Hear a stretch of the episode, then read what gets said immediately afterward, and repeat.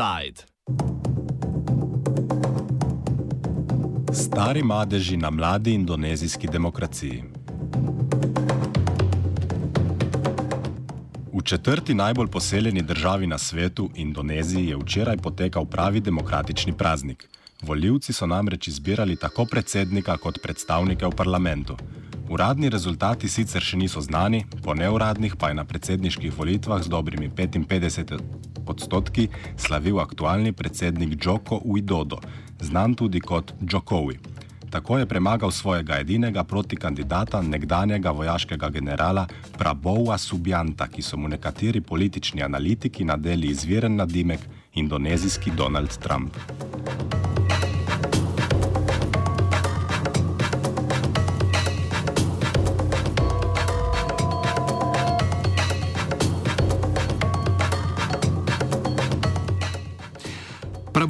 Kot edini Džokovjev proti kandidat izgubil že na volitvah leta 2014. Na indonezijskih predsedniških volitvah lahko kandidira le oseba, ki si pridobi podporo stranke oziroma več strank, ki na parlamentarnih volitvah dosežejo najmanj 25 odstotkov vseh oddanih glasov oziroma zasedajo vsaj petino sedežev v parlamentu. Pardon. Redko kateri stranki uspe, da bi sama dosegla toliko glasov. Indonezijski parlament je namreč strankarsko precej razdeljen.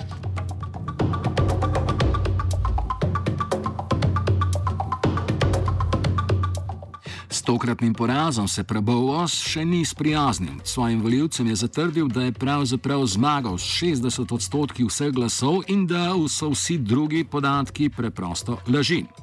Prabovom si je primerjavo s Trumpom zaslužil predvsem s svojo ksenofobno retoriko in versko nestrpnostjo. Prav tako je povezan z režimom nekdanjega indonezijskega diktatorja Suharta, med njegovim predsedovanjem je bil Prabovo general indonezijske vojske. Jokowi's opponent in this election is the same man who was his opponent in the last election. Prabowo Subianto who was a general under the military dictatorship of Suharto. He was also Suharto's son in law, and he is reported to be very rich and very corrupt. He also was accused of a whole raft of human rights violations for which he has never taken accountability.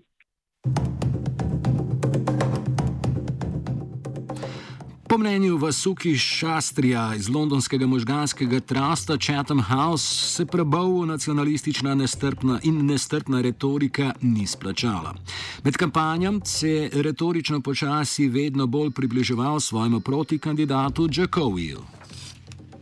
And if you look at the differentiating ish, uh, factors between the two candidates, uh, President Jokovi's speech really has been I have now built a track record in uh, combating corruption, in building infrastructure and development. Please give me five years more, uh, and I will continue the same job. Uh, his presidential candidate, uh, Prabowo, started off on a very, very nationalistic uh, note, but I think as the campaign progressed, he he sounded more and more uh, like President Jokowi, which really shows that the middle ground, the centrist ground in Indonesia, is where most of the voters are. And uh, ultimately, at the end of the day, I think he, the, the General Pro- Subianto, found it very difficult to differentiate himself uh, uh, compared to uh, to President Jokowi, and it looks like President Jokowi has indeed won the election.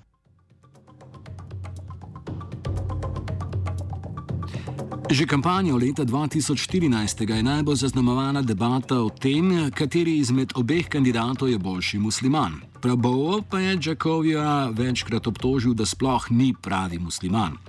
Džakovi se je tako leta 2014 kot v letošnji kampanji z več potezami skušal prikazati kot dober vernik, da bi ohranil močno podporo centristične muslimanske skupnosti.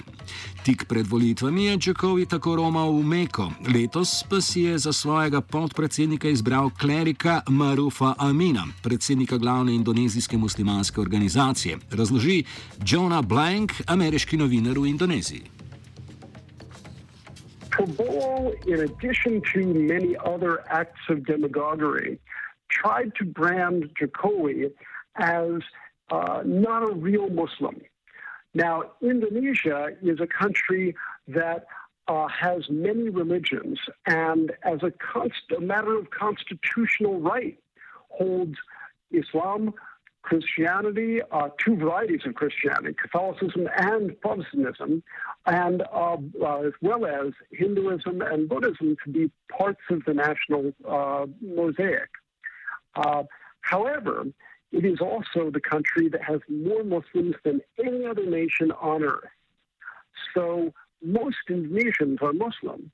And when Prabowo claims that Jokowi is not a real Muslim, that obviously will hurt him. There are a number of Islamist political parties which have done very well in elections, and many of them have supported uh, Prabowo. Jokowi himself has tried to neutralize these accusations by choosing for his vice presidential nominee uh, the head of Nahdlatul Ulama, or former head of Nahdlatul Ulama, the world's largest Muslim organization, and a cleric himself. He also went on Umrah, the uh, secondary pilgrimage to Mecca, just before election day. Jakovija izbira Marufa Amina za svojega podpredsednika je po mnenju Andreasa Harsona iz indonezijske veje nevladna organizacija Human Rights Watch kontroverzna. Indonezijski podpredsednik ima pomembno politično vlogo. Izbran je že v sklopu predvolilne kampanje in se na posterjih pojavlja tik ob predsedniškem kandidatu. Maruf Amin is not only the leader of the Nahdlatul Ulama, he is also the chairman, a very dominant figure within the Indonesian Ulama Council. Human Rights Watch called him an anti-human rights cleric. He issued fatwa after fatwa against minorities in, in Indonesia. He was the one who changed the principle of religious freedom into religious harmony in Indonesia. These are two opposite political thinking, a uh, lot of convention. Religious freedom treat citizens as equal. You have equal rights, whatever your gender, your sex, your religious harmony consider what he called majority type citizen who belong to the majority and minorities, a citizen who belong to the minorities. And in religious harmony, the majority has the veto power over the minorities, whether you want to set up a church, whether you want to celebrate certain religious festival, you get to get the approval from the so-called majority. So Maruf Amin is the man who, who drafted that regulation passed by uh, President Susilo Bambang Yudhoyono in 2006.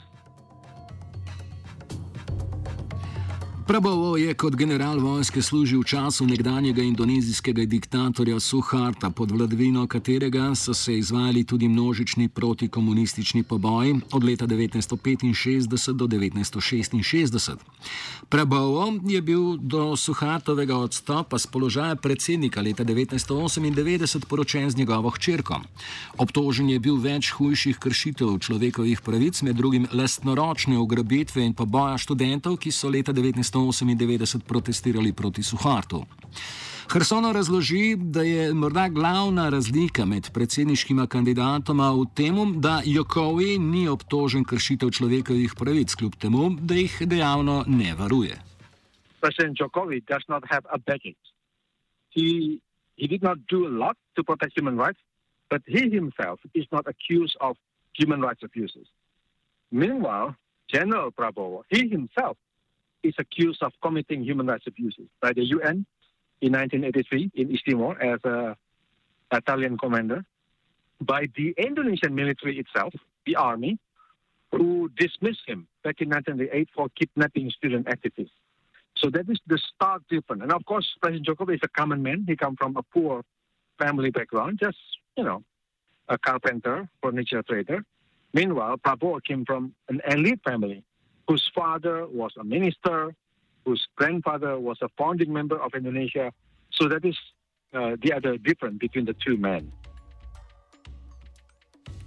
Mnogo generalov in politikov, ki so delovali v času Suharta in so tudi krivi sodelovanja pri množičnih pobojih, je še vedno dejavnih v indonezijski politiki.